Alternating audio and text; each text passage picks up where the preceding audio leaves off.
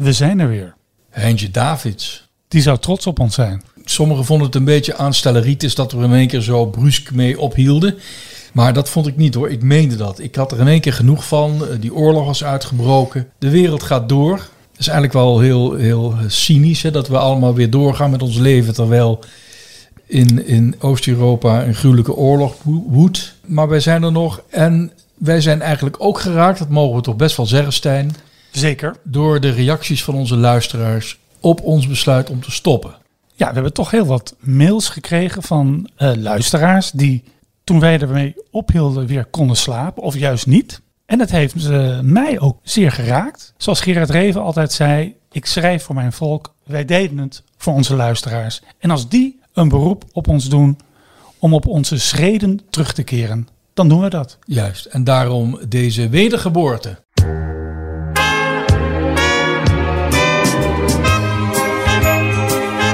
Welkom luisteraars bij de 81ste aflevering van de Roomse Loper.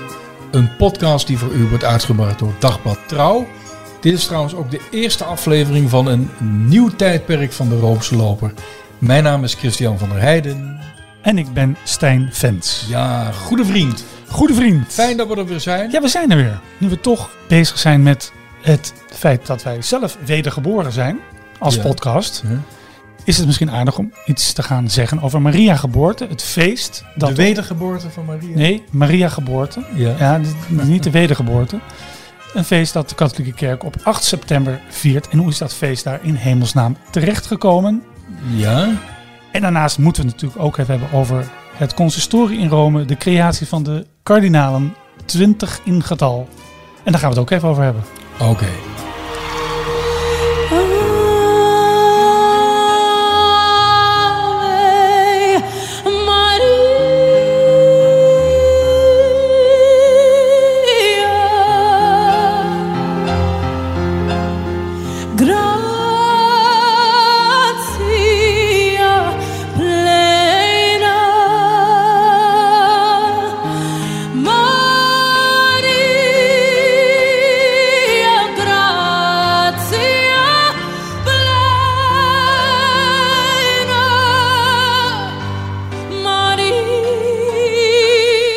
Gaan het hebben over Maria geboorte. Je zou kunnen zeggen, zonder Maria geen Roomse loper. Zonder Maria geen kardinalen. En zonder Maria geen katholieke kerk. Nee. Maria is een, mens en geen godin. Geen eh, maangodin. Sommigen maken, maken dat een beetje van haar. En ook geen moeder aarde. En, eh, of ze een historische figuur was, daar zijn de geleerden niet helemaal over eens. Maar wij gaan ervan uit van wel. En Maria is dus ook geboren. Ja, want het is een mens. Het is een mens, ja. En ze is dus ook verwekt. Daar moet je eigenlijk niet aan denken, maar het is ook zo. Ze is verwekt. Ja. En die verwekking, die was onbevlekt. Ze is onbevlekt verwekt. Ja, nu weet, eh, weet jij, Christian, dat over dat onbevlekt ontvangen, dat wordt altijd verward met de maagdelijke geboorte. Misschien moeten we daar toch even voor Ja, de luisteraars die in diezelfde verwarring verkeren, daar even iets over zeggen. Harry Mulisch maakte die fout ook in zijn roman Ontdekking van de Hemel. De onbevlekte ontvangenis gaat over Maria en gaat niet over de geboorte van Jezus. En ook niet over de verwekking van Jezus. Die was natuurlijk ook onbevlekt. Maar daar kwam volgens de leer geen man aan te pas. Maar er kwam wel een man aan te pas bij de verwekking van Maria. Eh, goed, we gaan het niet over, helemaal over uitweiden over de onbevlekte ontvangenis. Maar we, we vieren dit hoogfeest van de onbevlekte ontvangenis op 8 december. Ja, Nou, als je dus de, de menselijke maat van zwangerschappen hanteert, dan is 8 december min 9 maanden is 8 september. ja. Maar hoe is men nu gekomen aan die datum van 8 september? Weten we dat Maria geboren is op 8 september? Nou, ze was een eh, Joodse vrouw, dus ze zal wel niet de Romeinse kalender hebben gehanteerd, denk ik. Dus die 8 september is, heeft eigenlijk niks te maken met de feitelijke geboortedag van Maria, zoals 25 december niets te maken heeft met de feitelijke geboortedag van Jezus. Nee. Hè, dus dat zijn, dat zijn cultische data. Dat is goed om even te onthouden. Dat vind ik een mooie term. Cultische data. Ja, een cultische datum die dus niets te maken heeft met het historische feit van de biologische geboorte. Ja. Ja? Maar hoe komen we nu aan 8 september? Dat weten we niet precies. Eh, wel weten we dat er al eh, in, de, in de 8e eeuw en misschien nog wel eerder melding wordt gemaakt over die datum 8 september. Ehm, er zijn verschillende heilige bisschoppen die dat ook gebruiken in hun preek. En dieper gravend zou het ermee te maken kunnen hebben dat een basiliek eh, van de moeder gods in Jeruzalem, die er nu niet meer is, dat die zou zijn ingewijd, of gewijd moeten we zeggen, op een 8 september. ja. Want het is wel zeker dat zij, of is het zeker, het is waarschijnlijk, ja moet je dat zeggen, dat zij in Jeruzalem geboren is. Dat weten we ook niet. Nee. Maar daar gaat de traditie, één bepaalde traditie van uit. Dus dat weten we eigenlijk, we weten eigenlijk helemaal niks. Nee. Maar goed, dus die datum van 8 september die is al eigenlijk zo eerbiedwaardig, omdat ze al zo oud is en omdat ze verschillende heilige bisschoppen in, eh, in, in, in ja, de eerste eeuwen na eigenlijk de teloorgang van het Romeinse Rijk eh, en dan het West-Romeinse Rijk, dat die, eh, dat die datum wordt genoemd. Een van die eh, preken die wordt, waar in de 8 september wordt genoemd, is een preek van, en eigenlijk twee preken van Sint Andreas van Kreta. En die was bisschop van Jeruzalem omstreeks het jaar 680. In ieder geval weten we ook al dat eind 8e eeuw wordt dit feest op de synode van Salzburg verplicht gesteld.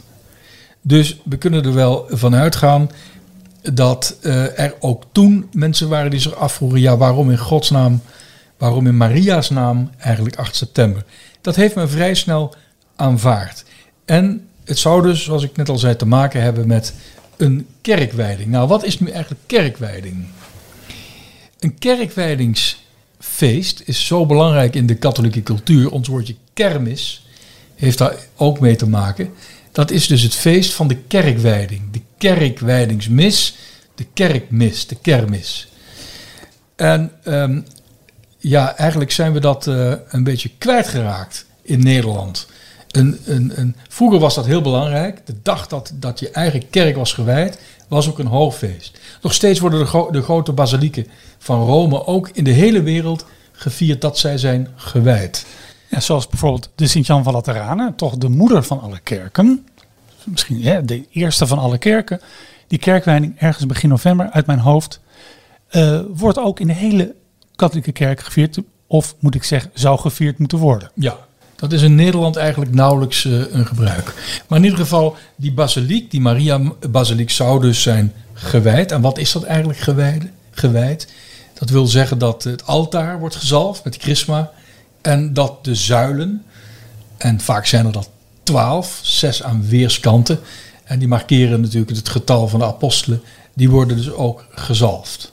Dat is eigenlijk de kerkwijding, want de kerk rust op het fundament van de twaalf apostelen. En dat is eigenlijk eh, Maria. Maar wat nou heel gek is, dat eh, eh, ja, naast Pasen, wat is dan het allergrootste feest van de christelijke traditie, is kerstmis. Dan vieren we de geboorte. En gek genoeg is eh, eh, het feest van Maria geboorte geen hoogfeest. Dus dat staat lager in rang dan de verwekking negen maanden eerder op 8 december. Waarom is dat nou? Nou, omdat uiteindelijk alles begint met die verwekking. En het feit daar weer voor dat Maria ja heeft gezegd. Ja, maar dan zou het feest van Maria Boodschap op 25 maart belangrijker moeten zijn dan het feest op 25 december. En Ja. dat is niet zo. Nee, dat is raar. Dat is raar. En dus dat zijn allemaal weer eh, cultische zaken waarbij, waarvan je je kunt afvragen of de logica daar wel consequent is gehanteerd. Eh, ik zou er wel voor willen pleiten, ook omdat eh, september is eigenlijk ook het beg- begin van het arbeidsseizoen, het academisch jaar, noem maar, maar op. Om als het ware ook in de kerk dat beter te markeren. Want 8 september, laten we eerlijk zijn, in Nederland, wie viert er nou echt Maria geboorte? Ik ken bijna niemand die dat doet. En als we het hebben over het verschil tussen een feest en een hoogfeest in de katholieke kerk, wat is dan specifiek het verschil? Nou, een, een, een hoogfeest heeft bijvoorbeeld eh, drie lezingen. Dan wordt het eh, credo ook gezongen. En de paus spreekt dan een, een, een angelusgebed uit en houdt dan een, een daarbij behorende toespraak. Hè, de, en alles is eh, ja, dat, eh, met, met alle toeters en bellen omgeven. En een feest is van een lagere rang. Maar ik zou ervoor willen pleiten om eigenlijk van dit feest een hoogfeest te maken. Een solemnitas, zoals dat wordt in het Latijn wordt aangeduid. Ik ben het met je eens en ik weet dat wij tot in de hoogste regionen van de kerk worden beluisterd. Dus wie weet komt deze boodschap wel aan. Ave Maria,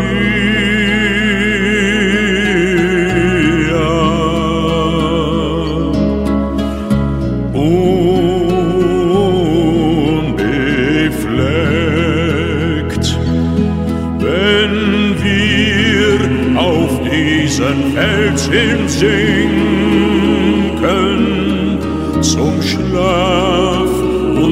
uns dein Schutz bedeckt wird weich der harte Fels uns dünken.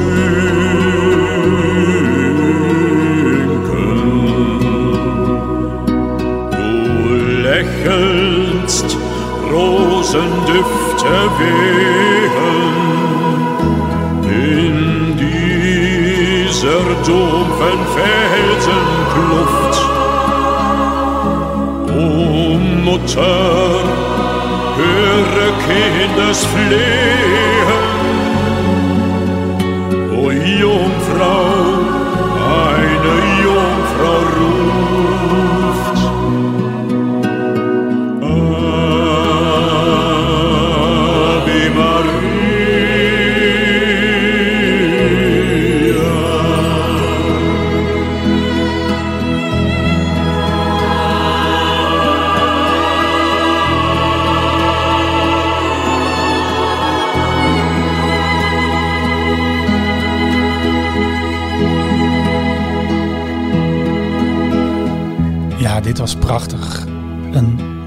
versie van het Ave Maria door een vriend van de show, Heino. We gaan het hebben over de meest exclusieve herenclub op aarde, het College van Kardinalen. Christian, Ja, Au- Op eh, zaterdag 27 augustus heeft Paus Franciscus 20 kardinalen gecreëerd. Dat is altijd een feestje in Rome. Hè, het Sint-Pieter ziet rood van de kardinalen. Het, het is met, met, met veel traditie omgeven. Eh, iedereen ziet er op zijn best uit. En het mooiste vind ik altijd, als die kardinalen eenmaal gecreëerd zijn, daar gaan we direct van alles over zeggen, dan mogen ze gefeliciteerd worden. En dat is eigenlijk het enige moment dat ik ken dat de poorten van het Vaticaan opengaan en eigenlijk iedereen naar binnen kan om deze nieuwe prinsen der kerk de hand te schudden Ja. en te feliciteren met Ja. deze grote eer. dat hebben wij samen eh, Meerdere malen gedaan. meerdere malen gedaan. Ik weet nog dat ik ooit eh, Pietro Parolin, de huidige staatssecretaris, heb gefeliciteerd. Stonden we heel lang in de rij. Dat was toen nog met eh, Gerard Klaassen. God hebben zijn ziel. God hebben zijn ziel, die is eh, in mei overleden. En daar wil ik, die wil ik toch even memoreren. Was ook een vriend van de show. En wat een markante man, Gerard Klaassen van de KRO Radio. En die sloeg geen consistorie over. Nee, en hij, hij, hij dacht eigenlijk ook dat al die nieuwe kardinalen hem kenden. Hij, hij begroet is als oude vrienden. Ja, en hij ging altijd op jacht naar kardinalen om ze voor de RKK-microfoon te krijgen. Ik weet nog het verhaal van de, van, eh, de nieuwe kardinaal Mafi. Dat is een bisschop van Tonga. Tonga, dat ligt in een hele duistere regio in, eh, in, in de, in de eh, stille Zuidzee. Ja. Ongelooflijk dat deze man eh, kardinaal is geworden. Ja, die doet er twee weken over om in Rome te komen. Hij begint met een roeiboot en dan Ja. de boten worden steeds groter Ja. tot hij eindelijk een keer na een week in een vliegtuig zit. Hij is hoofd van een geloofsgemeenschap eh, van minder gelovigen dan de gemiddelde pastoor in Nederland. Ja. In ieder geval natuurlijk wel een interessante man. En wij gingen dus op zoek naar kardinaal Mavi, Gerard Klaassen, en we konden hem niet vinden. En in één keer zat hij daar met zijn mede-Tongolezen of Tonganen aan een liter eh, bier. En eh, ja, dat was, dat was een mooi moment. Gerard Klaassen wil ik toch even gememoreerd hebben. Zeker. En waar gaat nou die bekoring van uit? En ook een beetje de fascinatie. Dat is toch dat die kardinalen eh, één uniek recht hebben. Dat ze onderscheidt van eigenlijk iedereen op de wereld. Namelijk dat ze een paus mogen kiezen. Dat is zo lang geweest. Alleen ehm, Johannes Paulus II die heeft ervoor gezorgd dat, eh, dat er een zekere proviso aankleeft. Dus dat niet iedere kardinaal dat meer mag. Nee, nee. Moet ik Nee. toch even uitleggen, Nee, wat is nee. nou precies de regel? Nee, de regel is, en die komt trouwens van Paulus VI. Die heeft op een gegeven moment gezegd dat als een kardinaal de dag voordat de stoel van Petrus vakant komt, ehm, zijn tachtigste verjaardag viert, dan mag die kardinaal niet meedoen aan het conclaaf. Oké. Dus, Dus. Dan uit, een paus kan tegenwoordig ook aftreden. Dus, dus de dag voordat een paus aftreedt of sterft. Stel dat je als kardinaal dan je 80ste verjaardag viert, mag je niet meedoen. Maar op de dag zelf, en je viert dan je 80ste Ja. verjaardag, dan wel. Ja, en dat betekent dus. Dus dat, dus dat kan dus zijn dat er tachtigers het conclave in kunnen. Ja, dat was de vorige keer zo. Bijvoorbeeld kardinaal Kasper, de eh, Duitse kardinaal Walter Kasper. Die was eh, op het moment dat de zetel van Petrus vakant kwam, was hij nog 79. En toen het conclaaf begon, was hij al 80. Nou, die mocht dus gewoon meedoen. En daar komt dus dat die regel van dat kardinalen beneden de 80 niet, eh, eh, die mogen meedoen aan een conclaaf, zijn kiesgerechtigd. Nou, deze paus heeft zaterdag 20 kardinalen gecreëerd en daarvan zijn er 16 op dit moment beneden de 80. En die zouden dus mogen meedoen aan een komend conclaaf. Ja. Interessant is dat hij dan ook altijd een, eh, ja, een, een klein groepje mannen eh, tot kardinaal verheft die eh, geen kieskardinalen kunnen worden omdat ze al 80 zijn.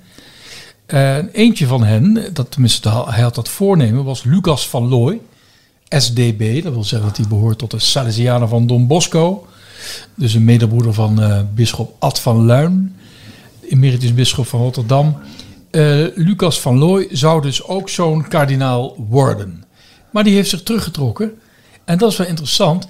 Ehm, hij heeft bedankt voor de eer, zo zouden wij dat zeggen. Alleen hij heeft daarvoor toestemming moeten krijgen om zich terug te trekken. Dispensatie. Ja, hij is dus gedispenseerd van zijn benoeming. Waarom heeft hij zich teruggetrokken en waarom is dat dus ook gesanctioneerd door Paus Franciscus? Omdat hij eigenlijk zelf vindt dat hij in gebreken is gebleven bij de bestrijding van seksueel misbruik in de kerk. Ja, hij wilde dus door ja, toch daar in dat rood te gaan lopen en met heel veel feestelijkheden eh, deel te nemen aan die, eh, aan die ceremonie, eh, de slachtoffers niet opnieuw voor het hoofd stoten. En dat vind ik, vind ik zeer lovenswaardig. Maar wat ik dus tegelijkertijd eigenlijk ook wel raar vind. Had Paus Franciscus dit niet aan kunnen zien komen? Worden die erekardinalen dan niet heeft, eerst even gescreend? Nou, Dus, dat denk eh, ik eigenlijk niet. Hè. Kijk, de, het, het kardinalaat is een persoonlijke eretitel die de paus verleent. Hij gaat er niet over in vergadering. Ik denk dat de paus gewoon zelf die lijst gemaakt heeft. Ja, maar er zijn zoveel andere kandidaten die je daarmee een groot plezier zou doen. En ook de gemeenschappen. Ik zou het ook wel willen worden eigenlijk. Nou, ik niet. Nee? Nee, joh, en, en in, dat, in, dat, in, dat, in, dat, in dat scharlaken lopen. Heerlijk. Eh, Trouwens, laten we eh, eens even hebben over, dat, over die kleur, scharlaken. Karmozijnen rood. Is het nou karmozijn of scharlaken? Ja, ik zeg altijd ehm karmozijn rood. Jij schrijft zelf ook over gepurperden. Nou, dat schrijf ik niet. Dat zeggen de Italianen. Hè. Die hebben een synoniem, syn- synoniem bedacht voor kardinalen. Staat altijd in de kranten, hebben ze het altijd over i porporati. En dat is vanwege het rood-purper. Het purper is, is eh, wij denken bij purper aan een soort paars. Dat is het eigenlijk ook. Maar purper is niet alleen een kleur, maar is ook een bepaalde stof. En die wordt, eh, die wordt gegenereerd uit, uit slakken. Ja. En eh, er is een heel groot spectrum Slakken. van het aantal kleuren van de stof purper. En een daarvan is rood. Dus rood ehm, dat is eigenlijk de kleur van de kardinalen. Maar, maar men spreekt ook, zoek het maar eens op in de Vandalen. Volgens mij staat het rood purper er niet eens in. Dus daarom zeggen we altijd eh ja, karmozijn. Of ik, ik, het liefst scharlaken, zeg ik dan. Oftewel, Ferrari rood. Ferrari rood vind ik heel mooi. En dan doe ik, moet mij denken aan mijn ontmoeting met kardinaal Bertone, ooit kardinaal staatssecretaris, dus de rechterhand van de paus, die ons ontving in het Palazzo Apostolico. In het, hij was in het rood. En wat stond er op de schoorsteenmantel? Een miniatuur Ferrari. Hem overhandigd door de directeur van Ferrari. Schitterend. Rood dus, dat rood, dat rood, dat ver, Ja. ja, moeten we even uitleggen. Ja, dat verwijst naar het bloed, volgens mij, dat de kardinalen bereid moeten zijn te geven voor de paus van Rome. Nou, het lijkt mij voor Christus. Ja, voor Christus en in, in, Ja. in, in, in, en in afgeleide vorm voor de paus. Ja, dus, maar bloed heeft een hele andere kleur. Dan- Bloed is niet scharlaken. Nee, dat is meer, dat is meer Dat, dat, dat paarsrood, neigt ook een beetje eh, naar, naar, naar, naar- Er is ook een tintje blauw bij. Ja. Ja, maar goed. Ehm, daar willen we verder niet te eh, diep op ingaan. Maar wat is een kardinaal eigenlijk? Want ehm, volgens mij, ik moet altijd voorzichtig zijn, want ik heb in die vijf jaar van eh, het verleden van de Roomse lopen wel eens dingen gezegd die feitelijk niet precies klopten. Dus niet heel vaak voorgekomen, maar toch wel. Dus ik ben altijd voorzichtig. Maar volgens mij staat het woord kardinaal, behalve dan in de kardinale deugden, maar kardinaal als, als een geestelijke, niet in de catechismus. Nee, volgens mij ook niet. Dus het hele verschijnsel kardinaal maakt geen deel uit van de geloofsleer. Paus wel, bisschoppen ook. Het bestaan van een bisschop, dat, is een, dat maakt deel uit van de geloofsleer, maar kardinaal niet. Maar wat is een kardinaal? Nou, toen Christus aan het kruis werd genageld, waren er nog geen kardinalen. Nee. Nee. Ehm, kardinalen vinden een oorsprong in de kerk van Rome. En eh, over de etymologische betekenis kunnen we het nog hebben. Maar volgens mij was het zo dat kardinalen aan het hoofd stonden van een belangrijke kerk in Rome of een basiliek. Ja, en dat waren, de, de, dat waren die, en, en die kerken hadden, en ook die ambten die daarbij horen, die hadden in de kerk van Rome een scharnierfunctie. Ja, de, juist, Een ja, scharnierfunctie. Ja. Spil eigenlijk, dat is in het Latijn cardo. Genitief cardinis. ja. Kardinaal. Nou ja, en dat op een gegeven moment hebben die kardinalen zich eigenlijk ontwikkeld tot, om, om het zo maar te zeggen, de naaste adviseurs, zeker in de kerk, in rang van de paus. En ze hebben, ik weet niet precies wanneer, volgens mij is dat ergens in de 11e, 12e eeuw geweest, hebben ze ook dat unieke recht gekregen om een paus te kiezen. Dat is heel ook al duizend jaar oud, dat recht. Maar dus iedere kardinaal maakt dus deel uit van de kerk van Rome. Ja, dat, is, dat vind ik Die eigenlijk zijn een- dus eigenlijk als het ware geïncardineerd. geïncardineerd. Ik vind dat een briljante uitvinding. En dus ook elke kardinaal, of je nou uit Bogota komt of uit eh Milaan, krijgt ook een kerk toegewezen Aha, kijk. in Rome. En dat is dus niet waar. Nee? Nee, om Want? bijvoorbeeld Oosters-katholieke patriarchen. Ja, dat is waar. Die krijgen En geen... eh, op dit moment zijn er twee patriarchen die ook kardinaal zijn. Maar die hebben dus niet als titel een kerk Nee. of een diaconie in Rome. Maar de, hun titel is, ehm, is de zetel van hun eh, kerk. Bijvoorbeeld Christian, ik ben weer helemaal thuis. Ik, voel, ik ben weer helemaal thuis. Of Alexandrië. Ik ben weer helemaal thuis Ja. met jou. Want laten we zeggen, het overgrote deel van de kardinalen krijgt Ja. een kerk. Ja, precies. Nou, in ieder geval bestaan er drie groepen kardinalen. Je hebt de kardinaal-bisschoppen, je hebt de kardinaal-priesters en je hebt de kardinaal-diakens. Dat zegt overigens niets over eh, hun rang in het wijdingssacrament, want de meeste zijn allemaal bisschop. Maar dat heeft ook weer een historische ehm, reden. Eh, volgens de regel moeten alle kardinalen, voordat ze gecreëerd worden, eh bisschop worden gewijd. En ook daar kan de paus weer van dispenseren. Bijvoorbeeld onder Jezuïeten is het het gebruik om dat ook te weigeren. En de laatste die eh, het geweigerd heeft, dat is volgens mij ehm, Gianfranco Ghirlanda. Pater Gianfranco Ghirlanda, hoogleraar in de theologie. Die is dus ook onlangs ehm, kardinaal geworden. En die heeft dat volgens mij beleefd geweigerd. Dat is een van de nieuwe kardinalen. En laten we Ja. toch nu maar even naar die lijst gaan. Ja, die- maar ik wil nog even iets zeggen over die rangen. Ga je gang. Want er is vaak sprake van, eh, waarom kunnen vrouwen eigenlijk geen kardinaal worden? Nou, dat heeft Paus Franciscus al eens een keer uitgelegd. Omdat een kardinaal eigenlijk per definitie een klericus is, geen leek. En natuurlijk zijn er in het verleden leken geweest. die kardinaal waren. Maar er waren ook bisschoppen die, eh, die leek waren. Die waren, die, hadden niet, die waren niet eens diaken gewijd. Een kardinaal is altijd een geestelijke. Nu zeker wel, ja. Maar dat men dan zegt, ja, maar dat was vroeger ook niet. Nee, maar dat was een misstand. Dus je kunt niet eh, je baseren op een misstand. Dus een lekenkardinaal, Ja, iemand die niet gewijd is. volgens mij het zij man, het zij vrouw. Een contradictio in terminis. Volgens mij, Ja. mijn bescheiden mening. En ik hoop dat er theologen zijn of kerkhistorici die luisteren. Die ons daarin kunnen verbeteren als we dus hierin niet goed zitten. We gaan naar de nieuwe kardinalen toe. Ja. Dat is eigenlijk, als je die lijst ziet, eigenlijk in lijn met de vorige zeven kardinaalscreaties van deze paus. Dat wil zeggen, hij zoekt het in de veelkleurigheid van de kerk. Het aantal landen dat een kardinaal heeft is enorm toegenomen onder deze paus. En in het verleden opgebouwde rechten gelden niet meer. Dus kardinaalsrode steden als Milaan, Venetië, Los die eigenlijk op het moment dat je daar bisschop werd, kon je erop rekenen dat je ook kardinaal zou worden. Dat is helemaal weg. ja, jij zegt nu steden.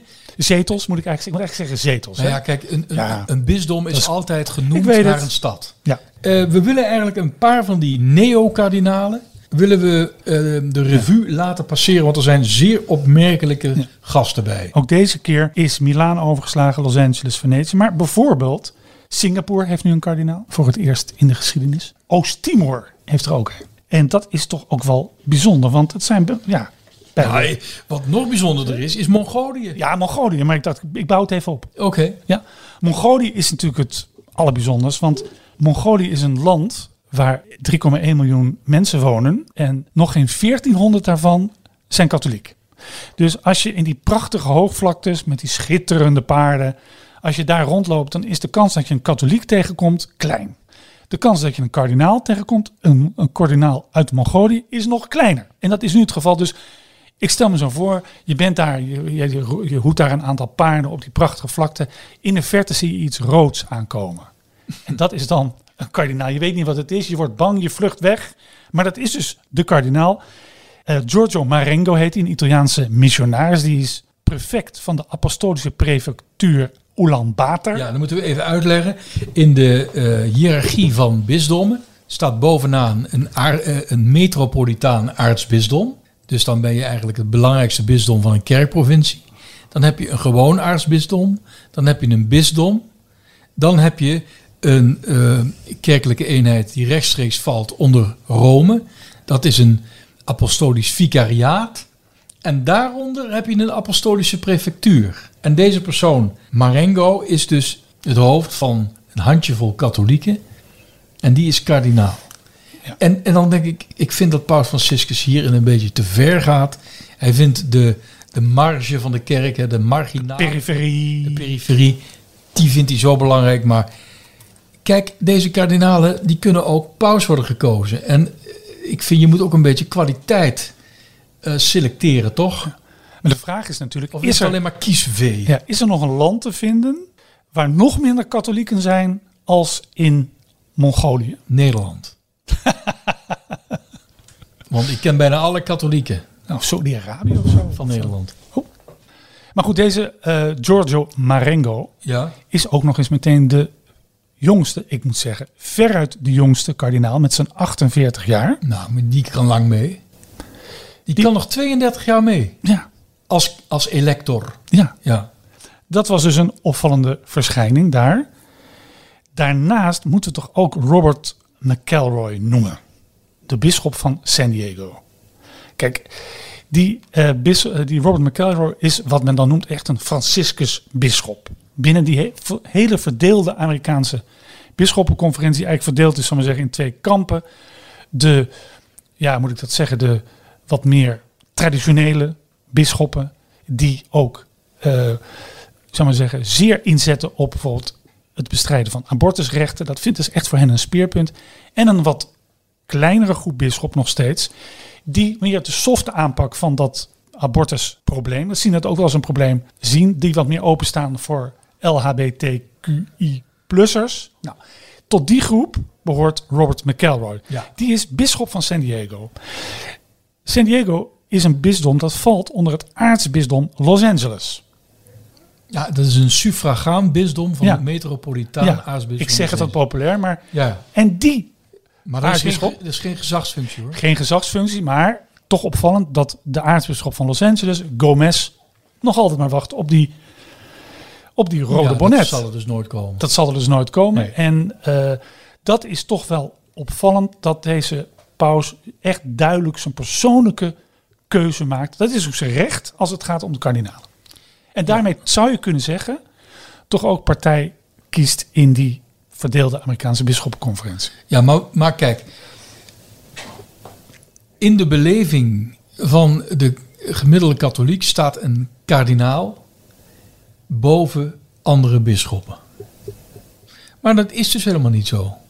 Want een, een metropolitane aartsbisschop, die heeft gewoon wel meer te vertellen dan een gewone diocesane bisschop. En het enige wat hem dus onderscheidt als kardinaal is dat hij, zolang hij nog geen 80 eh, eh, is, een paus mag kiezen.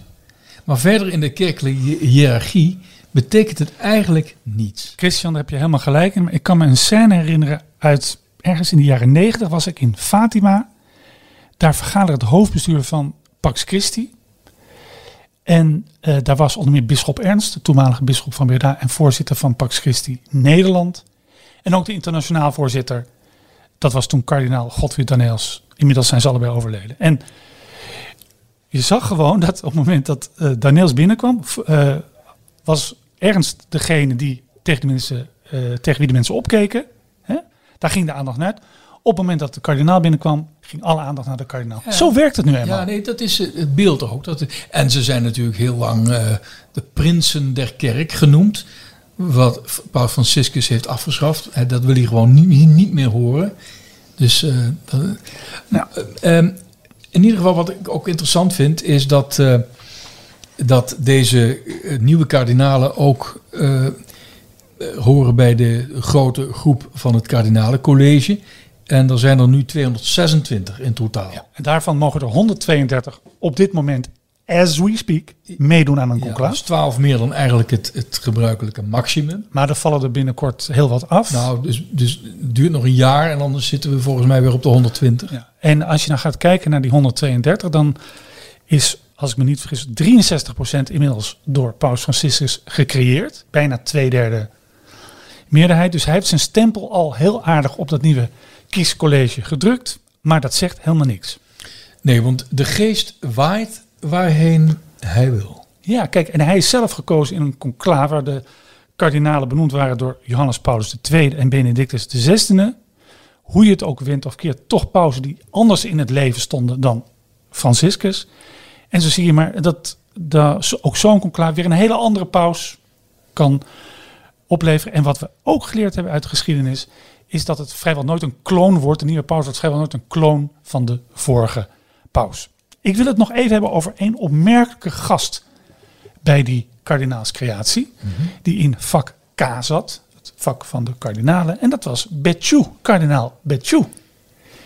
Die dus door de paus is uitgenodigd voor dit conclaaf. Betjou, we weten misschien, is eigenlijk op staande voet als kardinaal, ja, moet je zeggen, niet ontslagen, maar heeft als recht als, van- als kardinaal verloren. Op het moment dat hij verzeild raakt in een corruptieschandaal, daar staat hij zelfs nu voor de rechter. Hè? Voor, in- De Vaticaanse, de Vaticaanse rechter. En toch heeft de paus hem uitgenodigd voor dit, voor dit conclave, wou ik bijna zeggen, voor deze kardinaalscreatie. Betjou heeft daar uitgebreid over gesproken, want die ziet dat toch een beetje als vorm van ereherstel. Het Vaticaan heeft daar trouwens helemaal niets over gezegd. Nee, omdat natuurlijk eh, de zaak is toch onder de rechter. Dus het zou ook zeer onverstandig zijn om daar iets over te zeggen. Maar hij is m- misschien helemaal niet zo schuldig als dat hij eh, in het begin van dit schandaal is voorgesteld. Nee, maar dan vind ik toch dat je, dat je eh, moet wachten tot het recht zijn loop heeft gehad. Dan weet je dat zeker. En eh, ik begrijp nu dat in het overzicht dat het Vaticaan eh, zelf heeft aangeleverd, hij nog steeds bij de niet kiesgerechtigde kardinalen staat. Ja, ja. Dus hij heeft zijn rechten als kardinaal, en dat is toch, het belangrijkste recht, is toch dat kiezen van een paus niet terug. Christian, we kunnen niet eindigen zonder te verwijzen naar de zaligverklaring van paus Johannes Paulus I op zondag 4 september te Rome. De zaligverklaring wordt verricht door paus Franciscus. Ja, eh, Johannes Paulus I, voor altijd de lachende paus. De paus van 33 dagen. Slechts een ruime maand was hij paus. Toen overleed hij plotseling en daar is van alles bijgehaald. Complotten, maffia, vergiftiging. Nou, al die complotten zijn ontkracht.